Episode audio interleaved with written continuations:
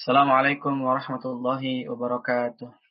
Waalaikumsalam warahmatullahi. Innal hamdalillah nahmaduhu wa nasta'inuhu wa nastaghfiruh wa na'udzu billahi min shururi anfusina wa sayyiati a'malina may yahdihillahu fala mudilla lahu wa may yudlilhu fala hadiya lahu. An la ilaha illallah wahdahu la syarika lah wa asyhadu anna Muhammadan abduhu wa rasuluh la nabiyya ba'd. Yang sama-sama kita hormati tentu Ketua Pengajian Al-Ikhlas London, uh, Siorga, kemudian para sesepuh sekalian. Yang kelihatan siapa nih? Ada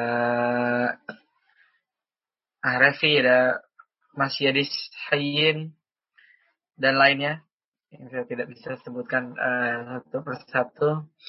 Semoga Allah senantiasa menjaga kita semua dan memberikan kita uh, kesehatan, memberikan kita keberkahan hidup. Para jemaah Allah Subhanahu wa taala, seperti sudah disampaikan oleh Mas Surga tadi, insya Allah kita akan coba uh, mendalami salah satu hadis di dalam kitab uh, hadis Arba'in An-Nawawi yakni hadis nomor 4 yang berkenaan dengan proses penciptaan manusia dan juga takdir dalam lauhul mahfud. Yang membawa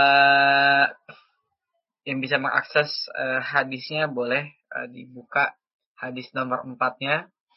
Jadi kita bisa baca dulu, kemudian baru kita ambil uh, banyak sekali pelajaran insya Allah dari uh, hadis ini.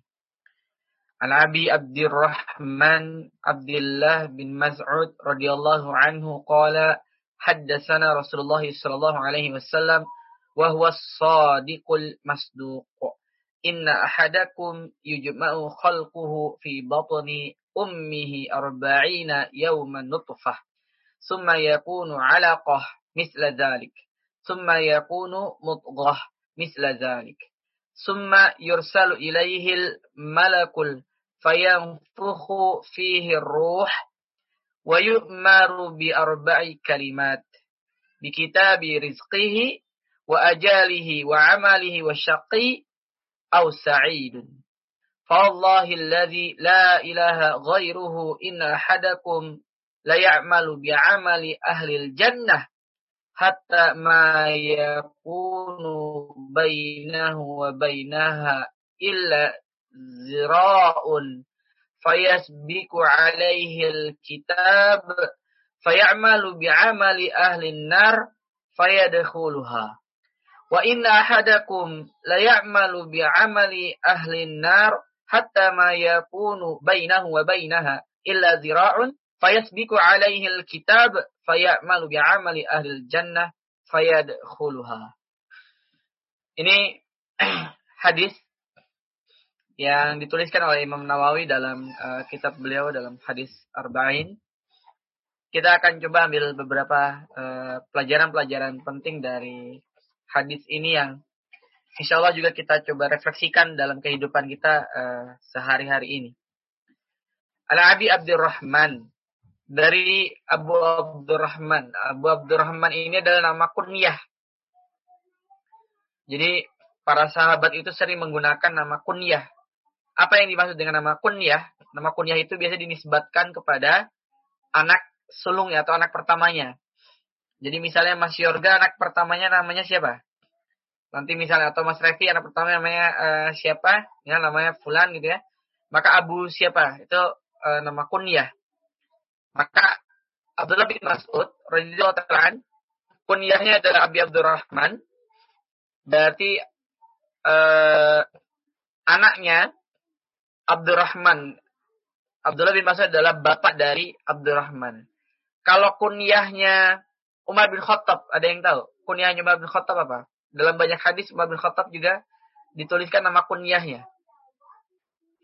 Termasuk di hadis Arba'in ini juga ada beberapa hadis yang uh, dinisbatkan pada nama kunyahnya Umar, bukan Umar langsung itu? Abu Hafsin. Ya? Abi? Abu Hafsin. Iya, Abu Hafsin. Abu Hafsin. Itu nama nama kunyahnya uh, Umar. Beliau kemudian menyatakan, Haddatsana Rasulullah sallallahu alaihi wasallam. Bahwasanya saya mendengar saya mendapatkan dari uh, Rasulullah sallallahu alaihi wasallam bahwa Rasulullah itu memberikan kepada Abdullah bin Mas'ud haddatsana ya. Menyampaikan kepada Abdullah bin Mas'ud. Kemudian beliau menyatakan wahwa sadiqul masduq. Dan dia maksudnya wahwa di sini adalah uh, Nabi Shallallahu alaihi wasallam sadiqul masduq. Orang yang jujur dan juga uh, terpercaya. Kita tahu Nabi Muhammad Shallallahu alaihi wasallam adalah orang yang jujur dan terpercaya. Ini kan ada pertanyaan menarik. Mengapa Abdullah bin Mas'ud ya sampai menyatakan terlebih dahulu uh, kalimat sadiqul masduq. Gitu ya. Beberapa ulama menyampaikan mengapa Abdullah bin Mas'ud menyatakan uh, kalimat ini bahwa sadiqul masduq karena yang akan disampaikan ini adalah termasuk dalam perkara yang goib. Perkara yang uh, goib. Yang kita tahu orang-orang uh, pada masa itu, mereka beriman kepada Allah, mereka percaya adanya Allah. Ya, orang-orang mukmin tentu beriman pada Allah. Orang-orang kafir juga sebetulnya mereka percaya adanya Allah. Tapi mereka bermasalah pada hal yang goib. Mereka itu tidak percaya pada hal yang goib. Pada kehidupan setelah kematian mereka nggak percaya. Orang Quraisy itu nggak percaya. Kemudian mereka nggak percaya pada hari akhir. Jadi eh, nggak uh, seimbang gitu. Nah beliau menjelaskan terlebih dahulu di sini uh, sadiqul masduk. Bahwa yang akan disampaikannya ini karena berkaitan dengan hal yang goib. Yang kalau kita verifikasi dengan ilmu hari ini harusnya bisa. Kalau dulu mungkin orang nggak bisa tuh uh, memverifikasi apa yang akan disampaikan oleh Abdullah bin Mas'ud dari Nabi Shallallahu Alaihi Wasallam ini. Tapi hari ini harusnya bisa. Sebelum masuk ke sana, saya akan jelaskan dulu siapa Abdullah bin Mas'ud radhiyallahu taala Abdullah bin Mas'ud atau Abi Abdurrahman ini adalah salah satu sahabat yang punya keunggulan. Apa gelarnya Abdullah bin Mas'ud? Ada yang tahu? Gelar Abdullah bin Mas'ud ini? Atau keutamaan atau kemuliaan Abdullah bin Mas'ud? Baca Quran indah itu ya Ustaz?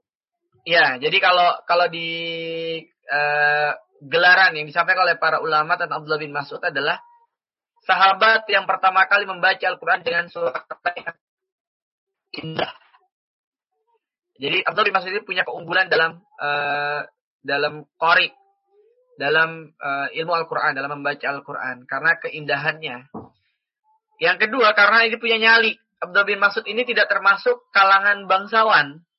Abdullah bin Mas'ud ini termasuk kalangan budak ya, kalangan orang rendahan di di Quraisy pada saat itu.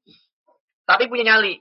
Di antaranya dalam kisah yang begitu terkenal ketika Abdullah bin Mas'ud radhiyallahu taalaan bilang kepada para sahabat, "Izinkan saya untuk tasmi Al-Qur'an." Memperdengarkan Al-Qur'an di eh, kalangan bangsawan Quraisy. Jadi kita tahu orang Quraisy itu punya tempat nongkrong parlemennya Quraisy apa namanya? Ada yang tahu? Tempat musyawarahnya orang Quraisy apa? Nadwah. Tempat nongkrongnya orang-orang Quraisy. Hah? Darun Nadwah ya. Darun Nadwah. Ah, mereka suka ngumpul di situ. Abdullah bin Mas'ud kemudian minta izin pada para sahabatnya untuk mentasmikan, mendakwahkan Al-Quran di hadapan mereka. Para sahabat pada saat itu udah bilang jangan. Karena apa? Ini orang biasa, kamu bisa dipukul, bisa dihabisin. Bin Mas'ud minta izin dan kemudian dia uh, mentasmikan Al-Quran di sana, di Darun Nadwa itu. Surat Ar-Rahman dibacakan saat itu dan ya jelas akhirnya dipukuli. Dipukulin oleh orang-orang uh, Quraisy pada saat itu. Nah, ada satu peristiwa menarik yakni ketika Nabi Shallallahu alaihi wasallam uh, membacakan satu hadis di hadapan para sahabat Nabi uh, menyatakan man ahabba ayyaqra al-Qur'an ghaddan kama unzila falyaqrahu ala qiraati bani ummi abdin. Barang siapa yang senang, ya ahabba mencintai, mencintai atau menyenangi ayyaqra al-Qur'an, membaca Al-Qur'an ghaddan kama unzila, yang benar sebagaimana Al-Qur'an itu diturunkan fal yaqra'u ala qiraati bani ummi abdin. Maka hendaklah ia membaca Al-Qur'an atau belajar Al-Qur'an kepada Ibnu Umi Abdul, Abdurrahman yakni Abdullah bin Mas'ud. Hadis ini diriwayatkan oleh Imam Ibnu Majah radhiyallahu. Uh, para sahabat milik Allah Subhanahu wa taala, para jemaah milik Allah Subhanahu wa taala. Sehingga kita tahu uh, para kuro hari ini, para hufaz para hari ini, yang memiliki sanat bacaan Al-Quran, rata-rata memang ujungnya nanti nyampe pada Abdullah bin Mas'ud. Ya, jadi yang belajar riwayat hafaz kemudian nanti mendalam ya riwayat hafaz sampai ke atas, biasanya nanti ujungnya ketemu sama sahabat Abdullah bin Mas'ud. Jadi gurunya rata-rata adalah Abdullah bin Mas'ud, guru besar dalam bidang e, Al-Quran. Kalau dalam bidang tafsir, guru besarnya itu Ibnu Abbas jadi mufasir di kalangan para sahabat itu adalah Ibnu Abbas radhiyallahu taala Dalam bidang hadis ketemunya nanti di antaranya Abu Hurairah dan juga uh, istri Nabi Shallallahu Alaihi Wasallam yakni Aisyah radhiyallahu taala anha. Jadi punya spesifikasi masing-masing para uh, para sahabat itu. Abdul bin Mas'ud adalah uh, spesifikasinya ilmu Quran. Ketika mendapati hadis ini, ini menarik.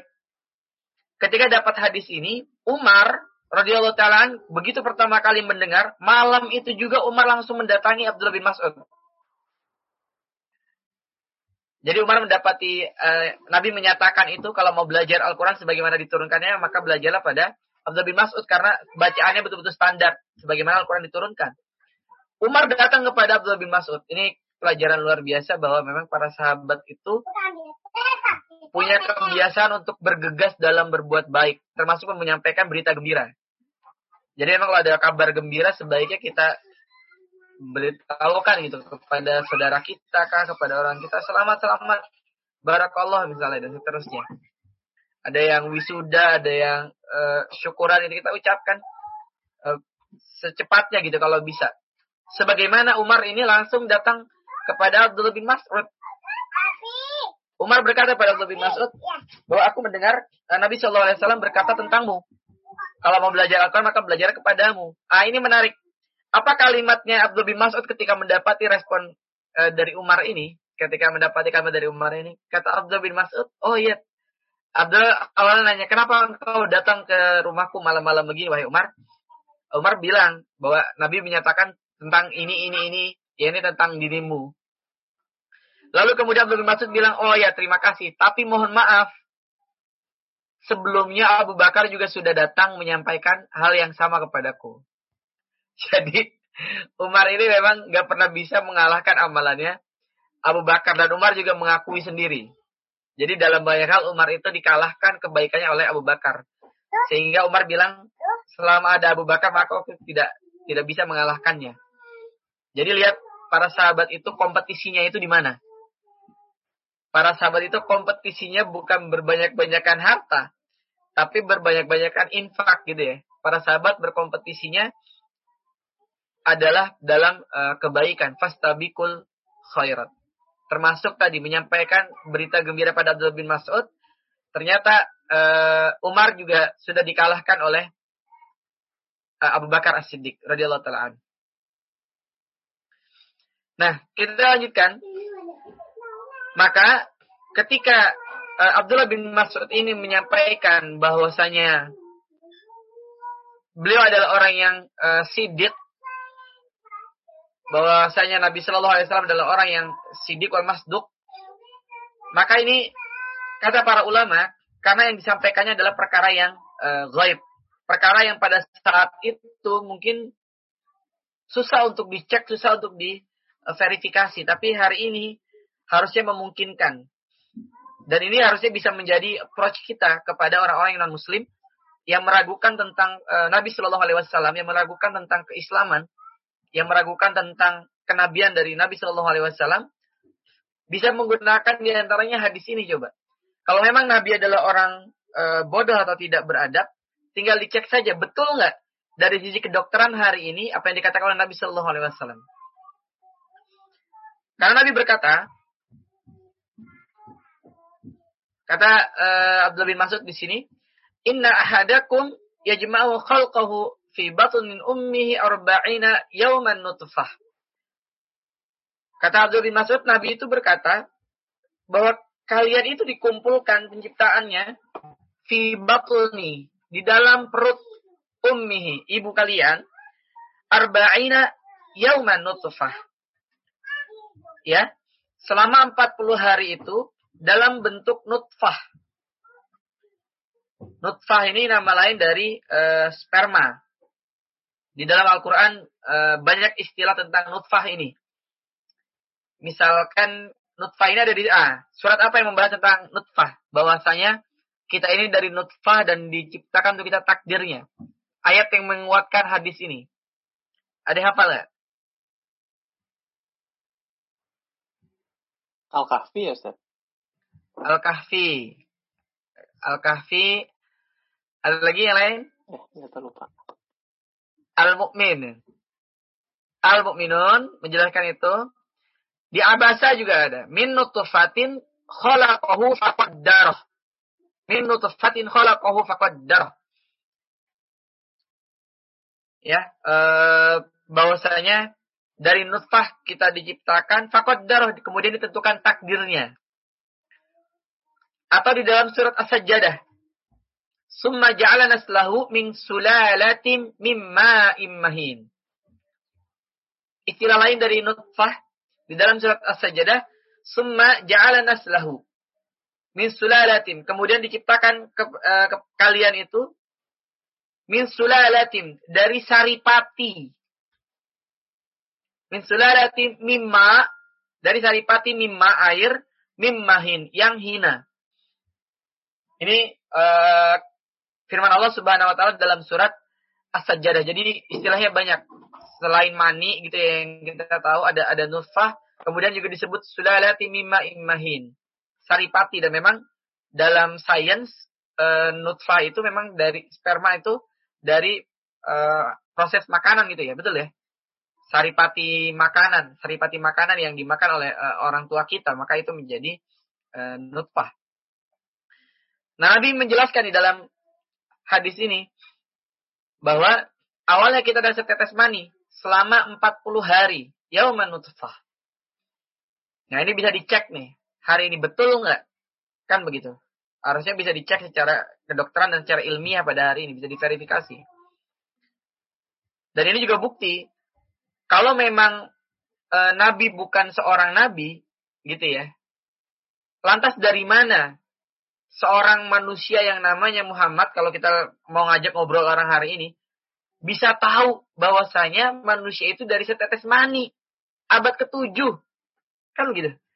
Bisa tahu manusia dari setetes mani abad ketujuh. Dan itu totalnya di dalam perut yang pertama adalah 40 hari. Bagaimana tahunya? Tentu Nabi Shallallahu Alaihi Wasallam mengetahui ini karena bimbingan wahyu dari Allah Subhanahu wa Ta'ala. Summa yakunu alaqah misla dhalik. Kemudian berubah menjadi setetes darah. Ya. Selama 40 hari juga. Kemudian summa yakunu mudghah misla dhalik. Kemudian menjadi uh, segumpal daging selama 40 hari. Ada beberapa ulama juga menjelaskan daging di sini mutghah ini daging yang masih lembek gitu, daging yang bisa digigit. Summa yursalu ilaihil malaku fayanfuhu fihi ruh. Kemudian diutus kepada seorang malaikat lalu ditiupkan kepadanya ruh dan dia diperintahkan untuk menetapkan empat perkara. Jadi ruh itu di ditiupkan berarti setelah berapa hari kalau dilihat dari hadis ini? Kalau dihitung berarti berapa? 120 hari ya, 40 40 40. Berapa bulan berarti? 4 bulan. 4 bulan kurang lebih ya. Dan memang inilah e, dasar dari para ulama menyatakan bahwa ruh itu ditiupkan setelah 40 hari. Jadi bukan e, 7 bulan ya. Tapi justru e, setelah 120 hari. 120 hari kenanya berarti berapa? 4 4 bulan ya, betul ya? setelah 120 hari atau uh, eh, 4 bulan.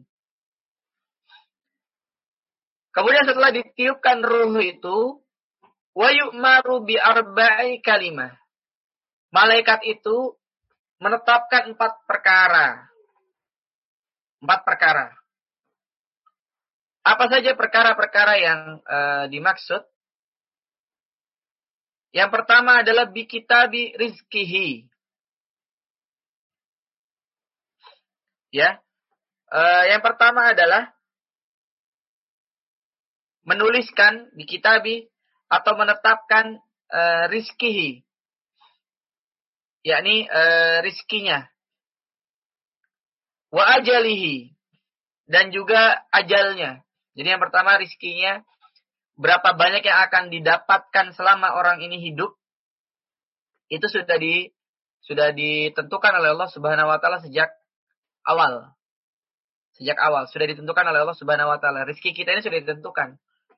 Sebagaimana juga eh, dalam eh, firman Allah Subhanahu wa taala surat Hud ayat 6. Wa ma min dabbatin fil ardi illa 'ala Allahi rizquha.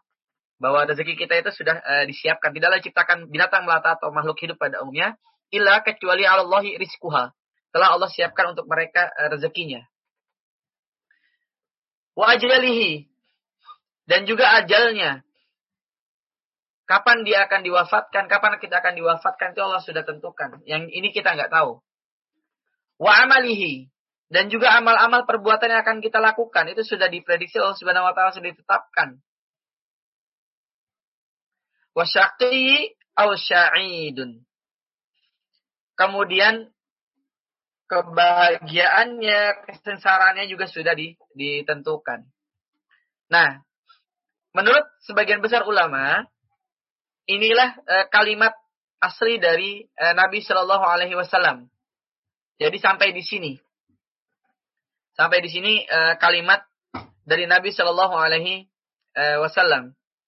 Kemudian baru berikutnya adalah kalimat dari Abdullah bin Mas'ud radhiyallahu taala an. Abdul Mas'ud menambahkan, "Fa alladzi la ilaha ghairuhu inna ahadakum la ya'malu bi amali ahli jannah hatta ma yakunu bainahu wa bainaha illa zira'un fayasbiku alaihi kitab dan seterusnya.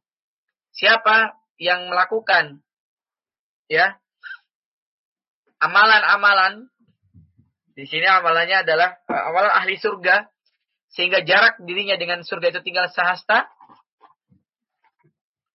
Tapi kemudian di ujungnya dia melakukan perbuatan ahli neraka, maka masuklah dia ke dalam neraka. Begitu juga sebaliknya, ada di antara kalian yang melakukan perbuatan ahli neraka, hingga jarak antara dia dengan neraka tinggal sehasta, tapi di ujungnya dia melakukan perbuatan ahli surga, maka masuklah dia ke dalam surga Allah Subhanahu wa taala. Hadis ini diriwayatkan oleh Imam Bukhari dan Muslim. Dan tadi saya sampaikan sebagian ulama menyatakan bahwa kalimat yang berikutnya itu adalah uh, kalimat dari Abdullah bin Mas'ud radhiyallahu taalaan. Akan tetapi kalimat ini sesungguhnya tidak bertentangan dengan uh, apa yang disampaikan oleh Nabi Shallallahu Alaihi Wasallam karena dalam hadis lain Nabi juga uh, bersabda tentang hal yang senada atau mirip yakni innamal a'malu bil khawatim Sesungguhnya amalan-amalan itu tergantung pada akhirnya. Para jemaah Allah Subhanahu wa taala, kita akan coba mengambil beberapa pelajaran-pelajaran uh, berharga di sini dalam hadis ini. Yakni yang pertama eh, bahwasanya tiap kita sudah ditentukan takdirnya. Ya, sudah ditentukan takdirnya. Lantas bagaimana mendudukkan dengan hadis lain? Karena ada hadis lain juga eh, menyatakan bahwasanya takdir setiap makhluk itu 50 ribu tahun sebelum penciptaan langit dan bumi sudah dicatatkan. Kata Allah, maqadirul khalaiqi qabla an yakhluqas samawati wal arda bi khamsina alfasanah. Allah mencatat takdir setiap makhluk 50 ribu tahun sebelum penciptaan langit dan bumi. Hadis diriwayatkan oleh Imam uh, Muslim. Bagaimana mendudukkan bagaimana mendudukkan uh, hadis ini dengan hadis yang sedang kita bahas ini? Ini ada kalimat kutipan para ulama yang menarik untuk kita kaji. Ini sesungguhnya tidak bertentangan yang pertama adalah eh, Allah sudah menuliskan takdir itu sejak 50 ribu tahun sebelumnya. Lantas Allah menugaskan malaikat untuk menginformasikan kepada orang tersebut. Hanya saja kita nggak tahu. Kita nggak tahu. Begitu ditiup ruhnya, nggak ada yang sadar kan? Nggak ada yang nggak ada yang hafal, nggak ada yang punya ingatan tentang apa yang terjadi di dalam uh, alam uh, rahim. Tapi itu tidak uh, bertentangan Kemudian di situ Allah juga memberikan uh, kepada kita ketika ditiupkan oleh malaikat ruh itu. Yang pertama adalah rezeki. Artinya besar kecilnya rezeki kita itu sebenarnya sudah sudah disiapkan oleh Allah Subhanahu wa taala. Lantas bagaimana mendudukkan konsep ini dengan konsep ikhtiar kita kalau rezeki sudah ada Lantas kenapa harus tetap butuh ikhtiar kan gitu? Kan rezekinya udah udah ada, tapi kenapa perlu perlu tetap ikhtiar? Kira-kira gimana menjawab ini? Sedangkan tanpa ikhtiar aja rezeki kita udah ada kok. Gimana mendudukkannya? Hah?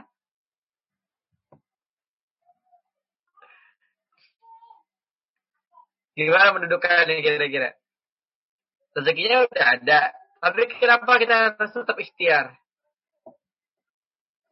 Kenapa kita diperintahkan setelah salat itu bertebaranlah atau Allah berfirman juga wajalan nahar ma'asya dan kami jadikan siang itu untuk mencari uh, maisha atau penghidupan. Bagaimana?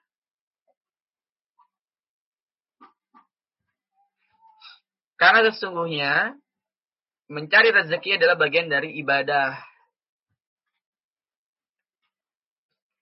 Jadi walaupun sudah disiapkan rezekinya, ikhtiar dari kita itu tetap harus kita lakukan. Sehingga kita e, menyadari bahwasanya segala sesuatu itu harus diraih dengan e, ikhtiar, dengan ikhtiar. Besar kecilnya sudah Allah e, tentukan, artinya jangan kecewa juga ketika sudah berikhtiar ternyata tidak dapat maksimal, tidak menjadi soal. Yang terpenting kemudian adalah keberkahan dari Allah Subhanahu wa taala. Berkah ini yang tidak akan hilang. Banyak orang mengupayakan agar mendapatkan harta yang banyak tapi dia lupa akan arti keberkahan itu. Coba ya kita lihat para koruptor itu e, mereka berikhtiar tapi dengan jalan yang salah gitu supaya hartanya lebih e, banyak. Maka keberkahannya hilang, keberkahan dari harta itu. Hartanya mungkin banyak tapi muncul masalah-masalah berikutnya. Maka ini uh, pelajaran yang berharga buat uh, buat kita. Rezeki kita sudah sudah disiapkan. Dan tidak akan dikurangi sedikit pun. Kalau memang uh, rezekinya itu beras 20 kilo atau beras sekian ton selama kita hidup, dia akan segitu. Begitu kita mau meninggal pun akan Allah berikan uh, full. Yang memang hak kita selama uh, di dunia. Kemudian yang kedua adalah ajalnya. Kita sudah tentukan kapan meninggalnya kita. Dan berkenaan dengan ajal ini kita tidak bisa mempercepat, tidak bisa uh, memperlambat. Hanya yang perlu kita siapkan adalah apa yang sudah kita siapkan ketika nanti kelak Allah wafatkan. Kemudian yang ketiga adalah amalnya. Apa yang dimaksud dengan amal di sini? para ulama menjelaskan amal-amal di sini adalah amal-amal uh, dunia kita, amal-amal dunia kita. Bahwa memang kita di sini untuk ahsanu amalah, uh, mengerjakan amal-amal yang terbaik, mengerjakan amal-amal yang terbaik. Dan nanti amal kita diterima Allah atau tidak, nah inilah yang kemudian menjadi soal. Jadi amal kita sudah ditentukan. Ikhtiar kita adalah memastikan amal kita ini sesuai dengan kehendak Allah. Di sinilah kenapa perlu pentingnya belajar. Kenapa? Karena para ulama menjelaskan tidak semua amal itu diterima Allah Subhanahu wa taala. Buktinya apa? Ada di dalam surat Al-Ghasyiyah. Amilatun nasibah. Allah berfirman, Amilatun nasibah. Beramal, tapi bersusah payah. Kan gimana menempatinya? Dia beramal, tapi kemudian justru bersusah payah. Ber, berakit-akit ke hulu, berenang-renang kemudian. Kan segitu sakit dahulu, senang-senang kemudian. Tapi mengapa dalam ayat itu dia beramal tapi bersusah payah di akhirat? Ini pelajaran kata para ulama bahwa memang tidak semua amal diterima Allah. Maka yang perlu kita lakukan adalah memastikan amal kita memang diterima Allah. Bagaimana agar amal diterima Allah Subhanahu wa taala?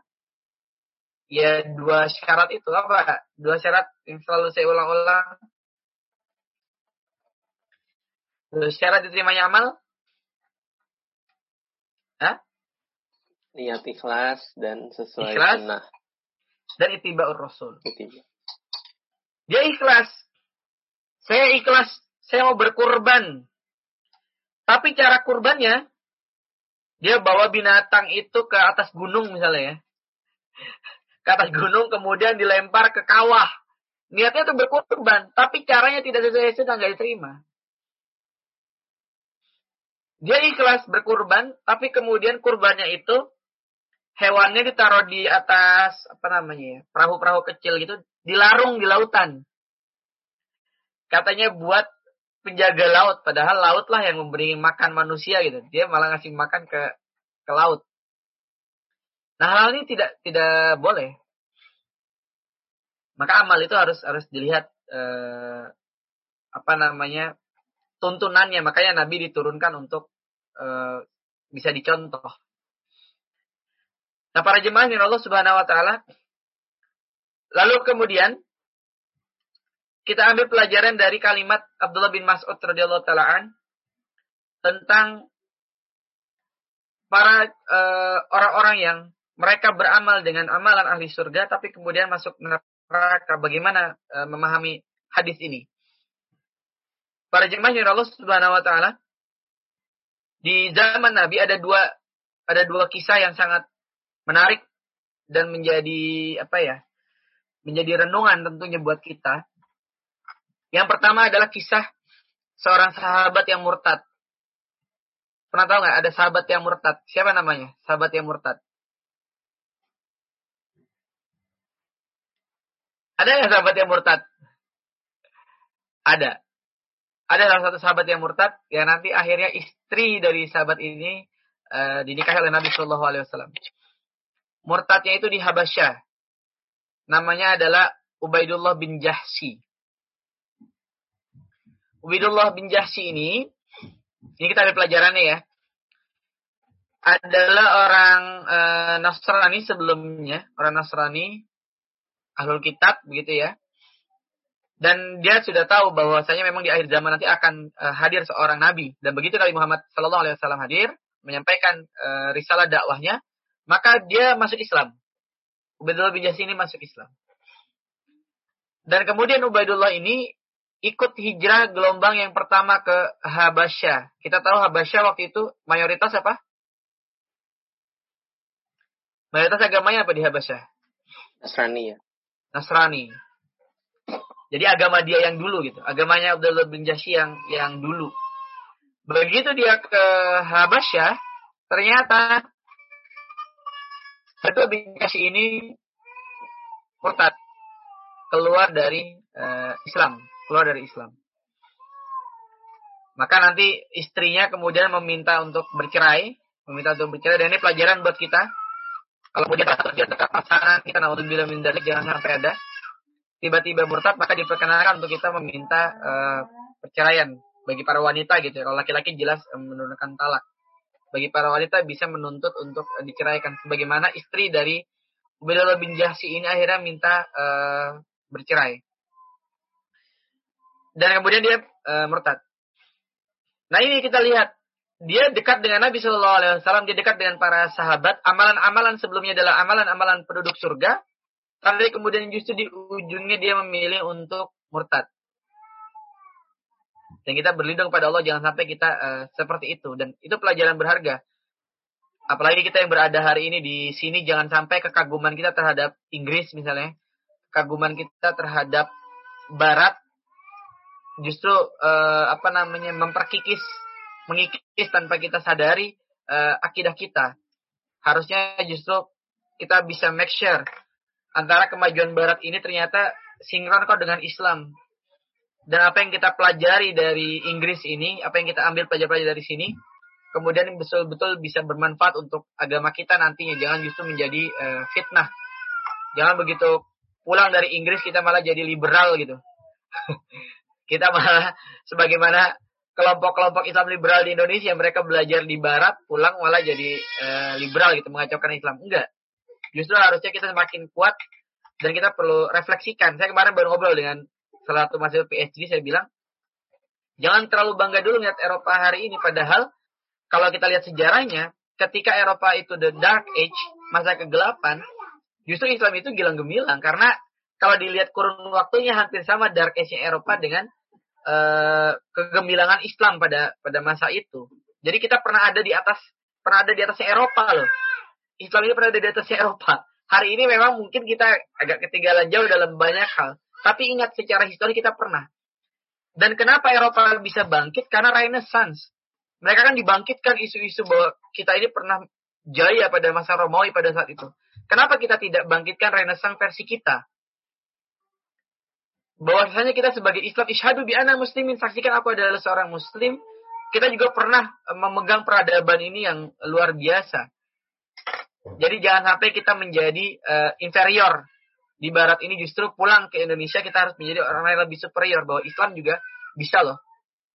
Bahwa kita meskipun belajar di barat kita bisa tetap uh, mensinergikan antara Islam dengan uh, kemajuan atau modernisme Jangan sampai seperti Abdullah bin Yasi. Begitu kembali ke Habasyah, dia ngelihat peradabannya Habasyah itu lebih tinggi pada saat itu.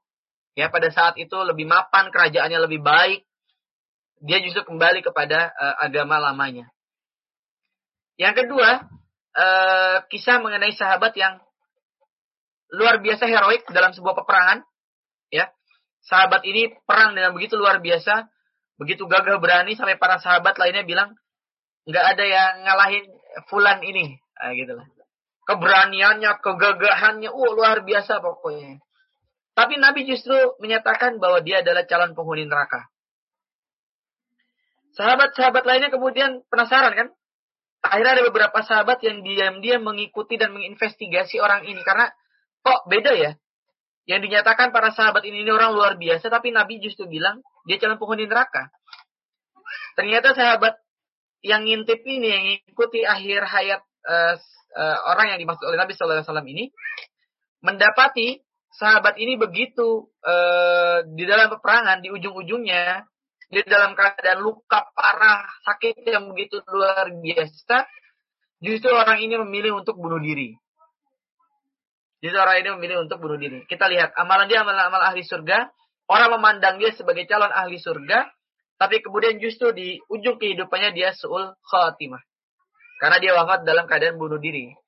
Terputus asa dari uh, rahmat Allah Subhanahu wa taala ini dilarang. Maka para jemaah Allah Subhanahu wa taala ini kita bisa ambil pelajaran uh, luar biasa dari sini. Kemudian ada orang-orang yang dia beramal dengan amalan ahli neraka, tapi di ujungnya dia justru uh, menjalankan amalan ahli surga. Kita tahu kisah seorang wanita yang dia adalah pelacur. Kemudian di ujungnya justru dia memberi minum seekor anjing. Ternyata Allah berikan uh, hidayah dan Allah takdirkan dia masuk ke dalam surga yang Allah Subhanahu wa taala. Maka dari sini kita lihat ada empat golongan orang. Nih, para ulama menjelaskan ada empat golongan orang yang bisa kita kelompokkan dalam uh, hadis ini. Golongan yang pertama adalah mereka yang sejak kecilnya soleh, gitu ya. Mereka yang sejak kecilnya soleh, kemudian uh, dewasanya soleh, tuanya soleh, akhir hayatnya soleh dan dia wafat dalam keadaan husnul khatimah. Dan kita berdoa kita termasuk uh, golongan yang pertama ini. Ini hal yang wajar, ya kan? Karena emang dia aslinya soleh, dia mengerjakan amalan-amalan soleh, gitu ya. Ya dia punya peluang lebih besar untuk juga wafat dalam keadaan husnul khatimah. Karena apa? Ibaratnya tuh peta perjalanannya, peta perjalanannya rumah, masjid, kampus, tempat kerja, rumah, masjid, kampus, tempat kerja. Di rumah dia menjadi orang tua, dia beribadah dengan baik, membimbing keluarganya, dapat pahala di situ di kampus dia belajar gitu ya menuntut ilmu menuntut ilmu kewajiban dapat pahala di situ di tempat pekerjaan dia bekerja mencari nafkah untuk keluarga dapat pahala di situ. Di masjid di tempat ibadah dia beribadah dapat pahala di situ. Empat empat empat empat gitu ya setiap hari. Dia kayak gitu ya kemungkinan dia wafat di situ gitu. Peluang dia wafat besar di situ. Ini kelompok yang pertama yang kita berdoa di situ. Mudah-mudahan kita bisa istiqomah hingga kelak Allah wafatkan dalam husnul khatimah. Yang kedua adalah kelompok yang dia uh, amalan-amalannya ahli neraka terus dari mudanya maksiat gitu ya, udah tuanya masih maksiat, apa perputaran uh, petanya dia ya rumah, kemudian diskotik gitu ya, pub, apalagi lah tempat-tempat tempat-tempat maksiat, ya dia peluangnya di situ, peluangnya di situ. Dan dia wafat dalam keadaan sul khotimah. Ini juga wajar. Ini juga wajar. Yang pertama wajar, yang kedua juga wajar. Nah, yang ketiga, yang ketiga ini yang kita perlu berlindung kepada Allah Subhanahu wa taala. Dia baik, dia soleh, dia soleh, dia baik. Tapi kemudian dia justru Allah wafatkan dalam keadaan su'ul khatimah. Ini inilah kenapa para sahabat senantiasa merasa tidak aman.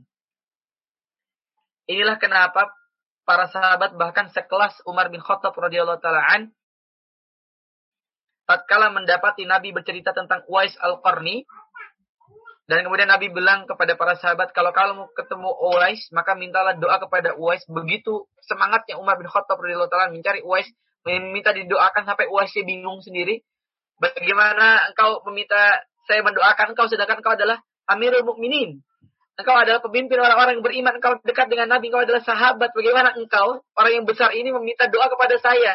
Orang yang tidak dikenal. Orang yang hanya mengembalakan sapi dan memerah susu onta. Apa kalimat Umar? Ini karena Nabi memerintahkan. Mohon saya didoakan. Kita perlu belajar dari sini. Jangan pernah kita merasa berada pada titik aman gitu harus selalu kita evaluasi. Ketika misalnya sholat subuh kita telat misalnya, langsung kita evaluasi itu jangan-jangan ada benih-benih kemunafikan nih dalam hati kita. Kan gitu. Ini perlu perlu kita evaluasi terus. Jangan pernah merasa aman, jangan pernah ngerasa udah megang kunci surga gitu. Ah ini bahaya justru. Kita selalu ngerasa kurang. Maka dengan itu setiap ada majelis ilmu, setiap ada majelis ta'lim kita bersemangat setiap mau ngaji kita jadi bersemangat gitu. Karena kita ngerasa bekal kita tuh masih sangat kurang.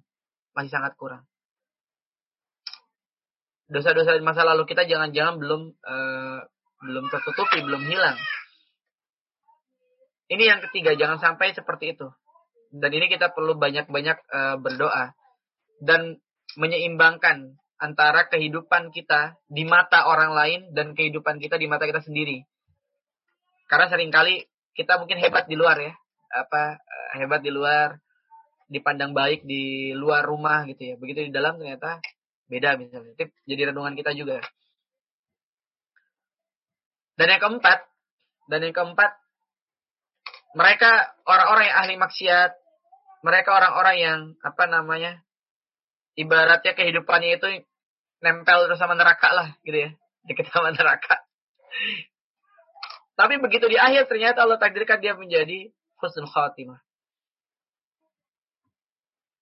Banyak kayak gitu, banyak. Kita lihat kisah kehidupannya Hindun.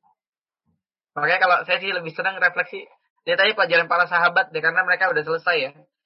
Hidupnya udah selesai, ambil pelajaran banyak. Bagaimana Hindu yang begitu luar biasa bencinya kepada Islam, kepada Hamzah sampai dimakan jantungnya. Tapi di akhir hayatnya justru Hindun uh, masuk Islam. Bagaimana Abu Sofyan di akhirnya justru uh, masuk Islam. Untung dia apa namanya sempat masuk ke dalam uh, Islam. Dan jangan pernah memandang atau mengklaim kita yang udah baik ngaji gitu. Kemudian kita ngelihat orang di luar kita, mungkin dia belum berjilbab, kita langsung wah di calon neraka nih udah. Belum tentu juga. Justru itu adalah ladang dakwah kita. Benar-benar kayak gitu, justru ladang uh, dakwah kita. Terakhir saya ingin kutip satu kalimat nih, tulisannya bagus sekali. Kalau saya tidak salah, tulisan Ustaz Ihsan Tanjung. Jadi beliau pernah bercerita uh, di Australia itu, di Australia dia dia kenal dengan seorang mualaf Australia, ya dengan seorang mualaf asal Australia orang asli Australia. Nah, yang menariknya kalimatnya orang Australia ini. Dia bilang gini. Kata Ustaz Iksan Tanjung itu. Kata orang Australia gini. Saya e, masuk Islam, ya. Karena saya itu awalnya penasaran aja dengan kehidupan muslim. Akhirnya saya browsing tentang Islam. Saya belajar tentang Islam dari Youtube, dari mana-mana. Gitu ya. Sampai akhirnya dia dapat hidayah dan masuk Islam. Nah, kalimatnya dia yang menarik apa? Padahal saya tinggal di Australia itu dekat dengan komunitas Muslim Indonesia. Jadi banyak mahasiswa Muslim Indonesia di sekitar saya. Tapi tidak ada satupun di antara mereka yang mau mengajak saya berbicara tentang Islam, yang mau mengajak saya uh, ngobrol atau mengenalkan tentang Islam. Padahal kalau mereka mengenalkan saja, bisa jadi mereka mendapatkan uh, pahala yang sangat besar karena bisa menjadi perantara datangnya hidayah pada diri saya. Ikhwas kalian, jangan-jangan di samping-samping kita di Inggrisnya ada juga yang kayak gitu tuh. Ya sebetulnya masih penasaran juga deh tentang Islam, punya image yang masih belum tentang Islam, tapi dari kita diem aja. Karena kalau dia udah mulai membuka wacana itu, itu adalah objek dakwah kita. Itu adalah objek objek dakwah kita. Dan kita berdoa kepada Allah Subhanahu wa taala agar orang-orang ini diberikan hidayah. Orang-orang ini yang mungkin kita ada saudara kita yang masih belum jilbab, misal ada saudara kita yang masih belum benar, ada tetangga atau teman dekat kita yang masih belum benar, maka inilah uh, ladang dakwah kita, inilah ladang pahala kita. Kalau kita dapat saja satu atau dua di antara mereka dan kita menjadi perantara datangnya hidayah Allah kepada mereka, kita berdoa mudah-mudahan pahala kita bisa terus mengalir. Inilah mengapa Abu Bakar pahalanya tidak pernah bisa disamakan. Bahkan Nabi bilang, seandainya amal atau pahala dari seluruh umat manusia itu dikumpulkan dan disejajarkan dengan pahala Abu Bakar As-Siddiq, maka tidak akan bisa mengalahkan pahala Abu Bakar As-Siddiq. Pertanyaannya kenapa demikian? Kira-kira kenapa? Kenapa pahala Abu Bakar itu begitu banyak?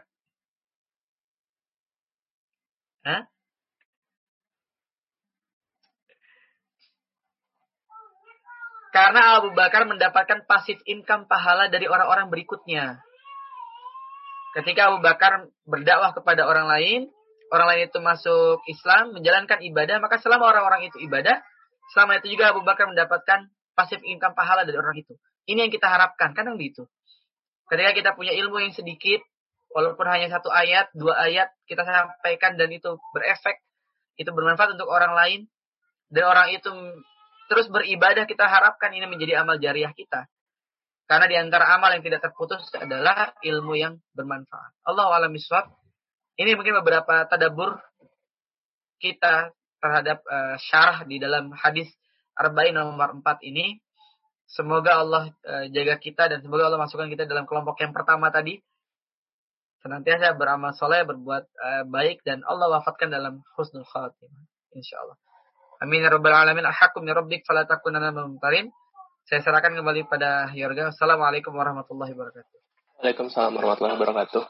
Ya, eh, terima kasih Ustaz Fahmi atas eh, ya, atas materinya tentang eh, takdir hadis arba'in keempat, takdir dan penciptaan manusia. Untuk Bapak dan Ibu, jika ingin melihat teks lengkapnya, saya eh, pastikan di chat tadi kita sudah membahas uh, dua paragraf tentang hadis tersebut ya termasuk tentang uh, profil Abdullah bin Mas'ud sebagai periwayatnya.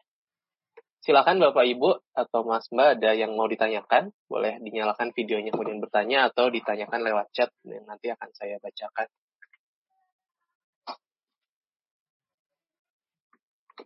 Adakah yang mau bertanya? Jika tidak ada, mungkin dimulai dari saya, Ustaz. E, tentang tadi ya, tentang konsep takdir itu ada akhirnya kan saya pernah membaca ada jadinya ada dua kubu yang ya maksudnya kita harus moderat tapi ada dua kubu yang berlebihan juga memaknai takdir ini. Ada yang jabariyah yang terlalu pasrah terhadap takdir gitu ya. Ya udahlah gimana dia nggak ikhtiar karena semuanya takdir gitu ya. Ada juga yang kodariyah yang justru malah menafikan takdir gitu. Bukan menafikan sih menafikan kuasa Allah gitu. Karena semua semua hal ini adalah keputusan manusia. Jadi free choice kita bisa memilih gitu ya. Toh kita juga tidak tahu takdirnya. Jadi akhirnya skeptis atau malah tidak percaya dengan uh, takdir tersebut. Karena semuanya adalah bahasa manusia. Jadi pertanyaan saya adalah bagaimana uh, kita menyeimbangkan dua itu ya. Karena kadang-kadang jadi kadang-kadang juga ya dalik kadang-kadang saya juga malah jadi terlalu kodariah dalam artian lah, kan kita tidak tahu takdir ya sudah semuanya adalah uh, ikhtiar kita gitu tapi gimana kita juga memberikan Hmm, bukan memberikan, kita juga menyeimbangkan dengan bentuk kepasrahan kita kepada Allah bahwa ya semua itu ada takdirnya gitu. Karena toh kita tidak tahu gitu. Ustaz. Ya. Ya, uh, sekarang Erga. Memang itu ya tadi ya dua kutub ekstrim tadi ya, uh, Kodaria dan Jabaria dalam urusan akidah. Sedangkan kita memang kalau jemaah basis akidah kita kan moderat Wa kadzalika ja'alnakum ummatan wasatan litakunu syuhada 'alan nas wa yakuna rasulu 'alaikum syahida. Umat yang uh, pertengahan gitu, balance. Balance. Nah, uh, bagaimana supaya kita punya mindset yang tepat? Memang perlu kita check and balancing dulu. Mana yang ketentuan Allah yang tidak bisa diubah, mana yang masih bisa diubah. Sehingga kita nanti begitu kenanya, Tinggal kita masukkan ke dalam keranjang berpikir kita. Ini masuk yang mana? Kan begitu. Maka kita perlu pahami dulu mana yang kodok, mana yang kodar. Kan begitu.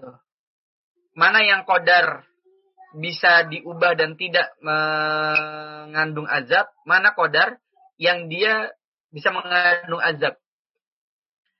Yang pertama kodok, semua kodok itu tidak bisa diubah dan ini tidak mengandung azab. Ya, semua kodok itu yang sudah ditentukan Allah tidak bisa diubah dan ini tidak mengandung azab. Justru kalau kita mengubahnya malah mengandung azab. Apa contohnya? Kita lahirnya kapan? Jenis kelamin kita apa?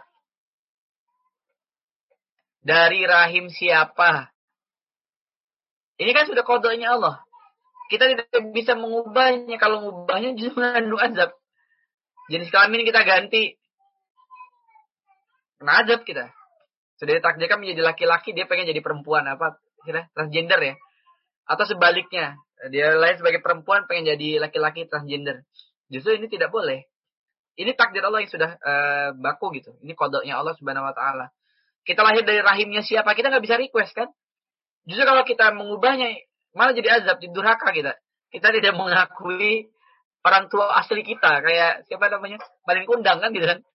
Nggak ngakuin ibunya. Maka ini tidak bisa diubah. Dan ini juga tidak mengandung azab. Wafat kita kapan ini juga tidak mengandung azab. Nah yang kedua juga ada kodar kita tahu kalau kodar itu masih ada peluang untuk diubah kodar itu masih ada peluang untuk diubah dengan ikhtiar kita. Tapi kodar ini ternyata terbagi dua. Kata para ulama, kodar itu ada yang mengandung azab, ada yang tidak mengandung azab. Apa yang bisa kita ubah? Rezeki. Rezeki ini takdir Allah Subhanahu wa taala tentunya. Tapi banyak dikitnya itu tergantung ikhtiar kita kan gitu. Tergantung ikhtiar kita, tergantung uh, ilmu kita untuk mengemas itu. Kita tahu ada orang yang dari zaman kita kecil sampai sekarang misalnya jual mie ayam, Ya dia jual mie ayam dari dari zaman kita kecil dia dorong gerobak sampai hari ini dia dorong dorong gerobak gitu. Itu namanya jualan gitu kan. Ada juga namanya bisnis. Ya dia bisa mengemas dengan baik. Dia awalnya punya satu gerobak. Akhirnya dia bikin kios, dia buka franchise, buka cabang dan seterusnya. Kan gitu. Ada intervensi ikhtiarnya di situ. Itu kodar. Dan itu tidak mengandung azab. Jadi ada orang-orang yang dia udah ikhtiarnya luar biasa. Ya, ikhtiarnya luar biasa. Kerja 24 jam gitu ya, sampai 24 jam. Pagi ketemu pagi lagi misalnya. Dapatnya segitu-gitu aja misalnya. Ya nggak apa-apa. Itu tidak mengandung azab. Memang jatahnya segitu. Memang jatahnya segitu. Kalau dia kemudian malah menyimpang, itu yang mengandung azab. Atau ada orang yang udah belajar.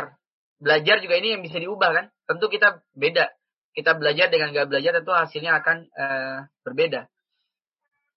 Ada tetangga kita atau saudara-saudara kita mungkin dulu minat mau masuk universitas tertentu gitu ya. Dia udah belajar mati-matian nih.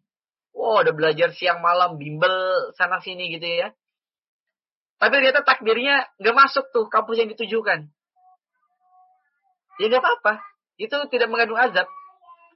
Tidak mungkin Allah memberikan azab pada sesuatu yang dia udah ikhtiar dan dia nggak nyampe tuh nggak ada tuh.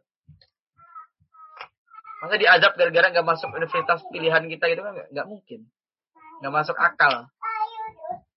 Maka ini tidak mengandung azab. Rezeki, eh, kepintaran, ini bisa diubah, tapi juga tidak mengandung azab hasilnya bagaimana nanti ini tidak mengandung azab. Nah, yang ketiga ini yang perlu kita waspadai. Kodar, tapi dia bisa mengandung azab.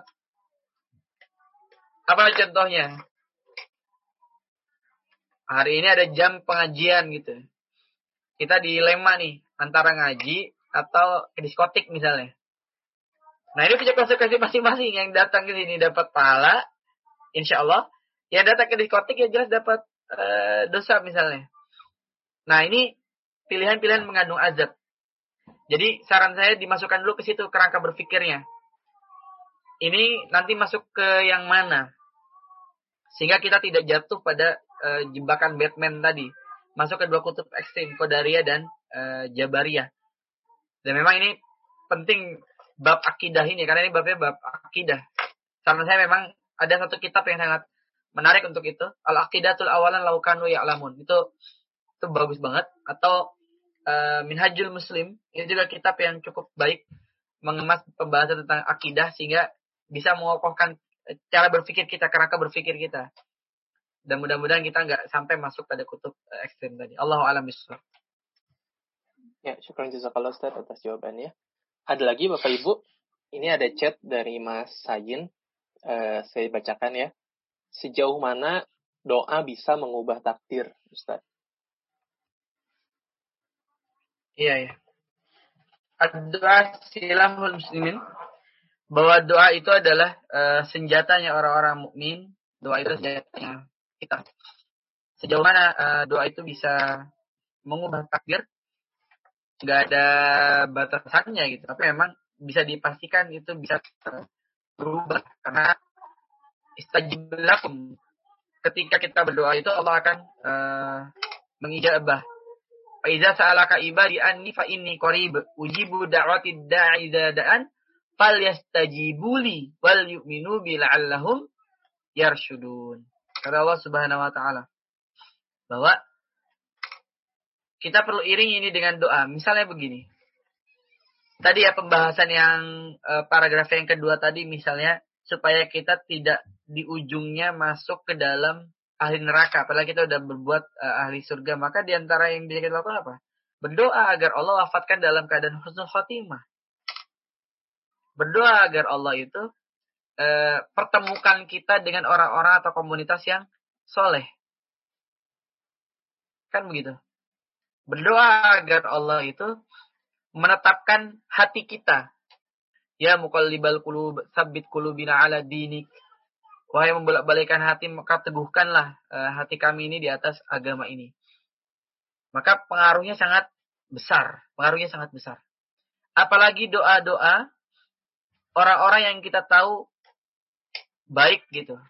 Makanya lihat, bahkan dari bayi saja, bahkan dari bayi saja kita sebagai orang tua itu bisa meminta doa pada orang lain agar mendoakan bayi kita.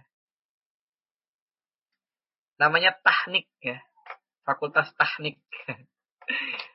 Di teknik. Jadi ada kita punya bayi, kita tahu ada orang yang soleh kita minta uh, tolong kepada tolong doain dong kita kasih kurma sedikit dikit aja tapi ntar dimakan kemudian didoakan ditaruh di ujung uh, mulutnya itu namanya tahnik kita minta doakan doa minta doa orang tua jelas. Kemudian kita berdoa pada waktu-waktu yang mustajab. Jadi enaknya di Indonesia itu ya di sini juga di Inggris ya.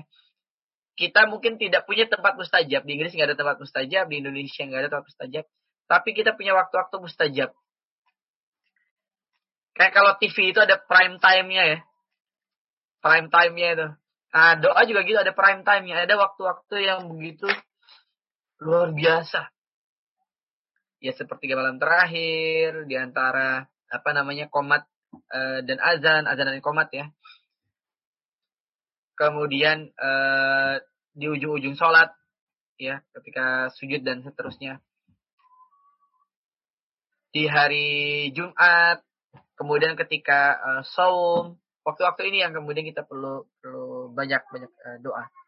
Syukur syukur kita bisa mendatangi uh, Mekah dan Madinah karena di sana banyak sekali tempat-tempat uh, mustajab untuk berdoa jadi memang niatnya untuk uh, ibadah jangan sampai menyimpang ini juga pelajaran buat kita Jangan sampai kemudian niat uh, haji atau umroh untuk update status misalnya gitu. Dari bukan Pak Haji jadi Pak Haji misalnya. Ini juga uh, jadi refleksi.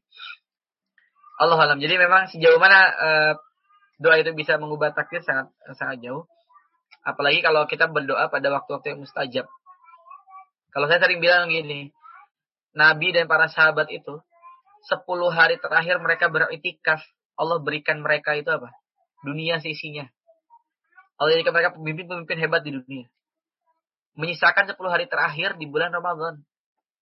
Kita hampir 24 jam kerja gini-gini aja tuh. Jangan-jangan kita belum dapat prime time-nya. Kita belum dapat prime time-nya. Belum memaksimalkan pada waktu-waktu yang mustajab. Maka ambil yang efektif gitu. Ambil yang efektif. Kan kita pengen gitu kan. Kerja itu, kerja yang sedikit efektif tapi dapatnya banyak gitu kan ya sama ibadah juga gitu gitu kita pengen uh, usahakan banget dapat yang uh, prime time kita bisa berdoa di situ khusyuk uh, kita bisa ibadah dengan baik Allah alam ya uh, syukur jazakallah Ustaz satu lagi ada pertanyaan dari Mbak Lani di chat ya bagaimana menjawab pertanyaan bahwa orang yang sudah soleh sepanjang hidupnya tapi akhirnya suul khotimah itu terkesan tidak adil. Jadi terkesan Allah tidak adil gitu. Jadi ya mungkin banyak orang yang iseng nanya gitu ya. Atau bahkan dari kita sendiri juga bertanya kok dinilai itu akhirnya? Gitu. Padahal amalan-amalan soleh di selama hidupnya itu apakah tidak dihitung atau iya. Jadi innahu alimun bidatis sudur Allah itu mengetahui isi hati Apa sih pelajaran dari hadis ini? Pelajaran dari hadis sebetulnya apa? Yang pertama, bisa jadi ada orang-orang dia nampak di luar yang begitu baik, tapi kita nggak tahu bagaimana isi hatinya. Kan gitu. Kita nggak tahu dia ikhlas atau enggak. Dia mungkin itibau Rasul. Dia ngikutin Rasul. Cara berpakaiannya, cara berjalannya, ibadahnya. Tapi kita nggak tahu isi hatinya. Karena kita nggak nggak tahu itu isinya gimana. Allah tahu. Kalau kita kan nggak tahu. Jadi jangan-jangan kita karena ngelihatnya zohirnya. Oh ini kok baik kok. Tapi dia kok meninggalnya gitu ya misalnya gitu. Jadi karena ini bukan wilayah kita. Wilayah hati itu bukan wilayah kita. Kita cuma bisa yang lihat yang nampaknya aja. Jadi kembalikan lagi urusannya kepada Allah Subhanahu wa taala. Dan pelajaran buat kita apa? Justru yang yang paling penting itu bukan menjawab pertanyaan tentang hidup orang lain ya, tapi pertanyaan tentang hidup kita sendiri nih. Sudahkah kita balance gitu antara uh, yang sudah kita lakukan ya, itiba'ur rasul kita dengan isi hati kita. Ikhlas gak sih kita? Gitu kan? Kita belajar nih, kita belajar. Teman-teman belajar jauh-jauh dari Indonesia pergi ke Inggris. Niatnya apa? Begitu pulang ke Indonesia, ini ilmu yang dibawa dari bat ini kontribusinya untuk agama itu apa? Menurut saya pertanyaan itu harus terjawab dulu. Sehingga apa? Punya power yang lebih besar. Ketika teman-teman tuh lagi down, saya harus semangat karena niat saya ini gitu loh. Karena niat saya ini besar. Benar-benar seperti ini. Jadi eh, nggak uh, nggak bisa kita menyatakan Allah tidak ada karena ada satu hal yang tidak bisa kita lihat. Apa itu? Ikhlasnya. Sedangkan amal itu dua variabelnya kan? Ikhlas dan itiba rasul. Yang kita bisa lihat apa? Itiba rasulnya doang yang nampak. Isi hatinya ada yang tahu nggak? Isi hatinya kita tahu nggak? Kita nggak tahu ini pelajaran besar buat kita uh, pribadi masing-masing kita hari ini kita perlu merenungkan kembali emang Sudahkah jati diri kita yang sesungguhnya ini sesuai dengan tampilan uh, luar kita? Orang lihat mungkin kita berjenggot gitu. Kita, orang kita melihat kita uh, Islami gitu. Tapi apakah kehidupan kita sesungguhnya kita Islami dalam kehidupan uh, sehari-hari kita? Kan gitu. Ini ini jadi renungan renungan kita. Atau kita ngeliat orang ini kok tampilannya gini banget. Tapi jangan-jangan dia sepertiga malam ya sholat mulu tuh baktinya ke orang tua luar biasa. Kan gitu. Infaknya diam-diam begitu juga uh, luar biasa ini yang Allah alam. Kita perlu perlu jaga, menyeimbangkan. Ya, Aturun Ustaz. Uh, ini mungkin waktunya terbatas. Satu pertanyaan lagi saya bacakan saja. Dari Mbak Dila ada di chat juga, apakah surga dan neraka juga sudah ditakdirkan? Karena tadi ada cerita tentang sahabat Nabi yang melakukan amal surga, tapi air hidupnya neraka. Ada kisah juga Rasulullah pernah mengatakan mendengar suara sandalnya Bilal di surga pada saat Isra Mi'raj. Jadi sebetulnya bagaimana konsep surga dan neraka ini, Ustaz? Ya, sudah ditentukan. Cuma kan karena kita nggak tahu nih. kita masih-masih kan nggak tahu kan. Kita masih nggak tahu. Sebetulnya Allah sudah tentukan kita nanti di mana. Tugas kita sekarang apa? Menunjukkan amalan-amalan ahli surga itu dan berdoa kepada Allah agar masukkan ke dalam uh, surga. Jadi sudah ditentukan, sudah ditentukan sejak awal. Tapi jangan gini, oh sudah ditentukan terus ngapain kita ikhtiar? Kalau nanti ujungnya neraka, justru karena kita nggak tahu. Kan kita nggak ada yang tahu, masalahnya gitu. Kita nggak ada yang tahu. Karena kita nggak tahu, maka hari ini tugas kita adalah berbuat sebaik memantaskan diri, bahasanya gitu. Memantaskan diri. Kayak dulu kita kan nggak ada yang tahu, kita bisa ke Inggris. Betul nggak? Tapi kenapa bisa sekarang ada di sini? Karena dulu pasti memantaskan diri kan gitu. Memantaskan diri dengan bahasa Inggrisnya, dengan IELTS-nya, dengan ikhtiar. Kalau untuk sekedar bisa masuk ke Inggris saja kita ikhtiar luar biasa, apalagi untuk kita masuk ke dalam surganya Allah Subhanahu wa taala. Saya ingat tuh mau ke sini waktu itu harus deposit. Karena uh, kita banyak keluarga kita deposit sampai 500 juta saya ingat banget tuh. Hampir nyerah saya karena mikir aduh kayaknya nggak mungkin. Tapi ternyata ada aja jalannya. Minjam sana minjam sini untuk untuk buat uh, rekening koran itu ya sehingga nominalnya bisa masuk uh, ketika apply visa. Saya merenung apakah hal yang sama kita ikhtiarkan ketika kita mau masuk surganya Allah Subhanahu wa taala coba effortnya luar biasa karena saya mau masuk surganya Allah kalau untuk sekedar mau masuk Inggris saja kita begitu luar biasa rela, apalagi untuk kita masuk ke dalam uh, surga Allah Subhanahu wa taala bertagi fima ataqallahu darul akhirah. Tugas besar kita kan itu wa bertagi fima ataqallahu darul akhirah. Mempersiapkan uh, rumah terbaik di surganya Allah Subhanahu wa taala. Jadi uh, menjawab pertanyaan ini, ya sudah ditakdirkan termasuk kita sudah ditakdirkan akan masuk di mana.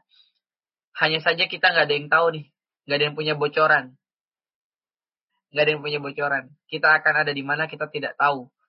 Karena kita nggak tahu itu, maka tugas kita adalah berikhtiar, memantaskan diri. Karena kita inginnya menjadi ahli surga, ya pantaskan diri, kan gitu. Kita pengen ke Inggris, kan pantaskan diri dengan apa? Ya berbahasa dengan bahasa Inggris, memantaskan diri nilai-nilainya kan gitu. Oh, itu sekedar mau masuk Inggris loh. mau dapat beasiswa LPDP atau beasiswa lainnya memantaskan diri dengan apa? Ya IP-nya minimal dijaga gitu kan. E, prosedurnya diikuti. Berbagai halnya diikuti. Hanya sekedar supaya bisa lolos beasiswa. Sama logikanya. Ketika kita mau jadi ahli surga ya, kita ikuti tuntutannya. Ini ahli surga jalannya ini. Jalannya ini. Ibadahnya ini. Amalannya ini. Ya ikuti. Dan kita berharap kepada Allah Subhanahu wa taala mudah-mudahan betul-betul Allah jadikan kita sebagai penduduk surga. Allahu a'lam bishawab.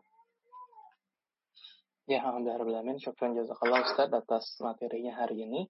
Eh, terima kasih juga pada Bapak Ibu yang sudah menyimak. Insya Allah agar lebih berkah, uh, minta bantuan Ustadz untuk menutup majelis ini dengan doa Ustadz.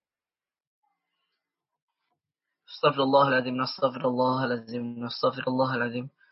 Allahumma salli ala Sayyidina muhammadin awal wal-akhirin. Wa barik wa salim wa radiyallahu ta'ala kuni sahabati rasulillahi jimain. Amin, amin ya rabbal alamin. Alhamdulillahi rabbil alamin. Hamdan na'imin, hamdan syakirin. حمدا يعافي نعمه ويكافئ مجيده. يا ربنا لك الحمد كما ينبغي لجلال وجهك الكريم وعظيم سلطانك. اللهم إنا نسألك سلامة في الدين وعافية في الجسد وزيادة في علمنا وبركة في رزقنا وتوبة قبل الموت ورحمة عند الموت ومغفرة بعد الموت. اللهم حوين علينا في سكرات الموت ونجاة من النار والعفو عند الحساب. ربنا هب لنا من أزواجنا وذرياتنا قرة أعين واجعلنا للمتقين إماما. ربنا تقبل منا إنك أنت السميع العليم وتب علينا إنك أنت التواب الرحيم. يا مقلب القلوب ثبت قلوبنا على دينك. يا مقلب القلوب ثبت قلوبنا على دينك. يا مشرف القلوب شرف قلوبنا على طاعتك. اللهم إني أعوذ بك من الهم والحزن وأعوذ بك من العجز والكسل وأعوذ بك من الجبن والبخل وأعوذ بك من غلبة الدين وقهر الرجال. اللهم عافنا في بداننا اللهم عافنا في سمعنا اللهم عافنا في بصرنا برحمتك يا أرحم الراحمين. رب اغفر لنا ولوالدينا وارحمهم كما ربونا صغارا. ربنا آتنا في الدنيا حسنة وفي الآخرة حسنة وقنا عذاب النار. سبحان ربك رب العزة أما يصفون. Wassalamun ala mursalin.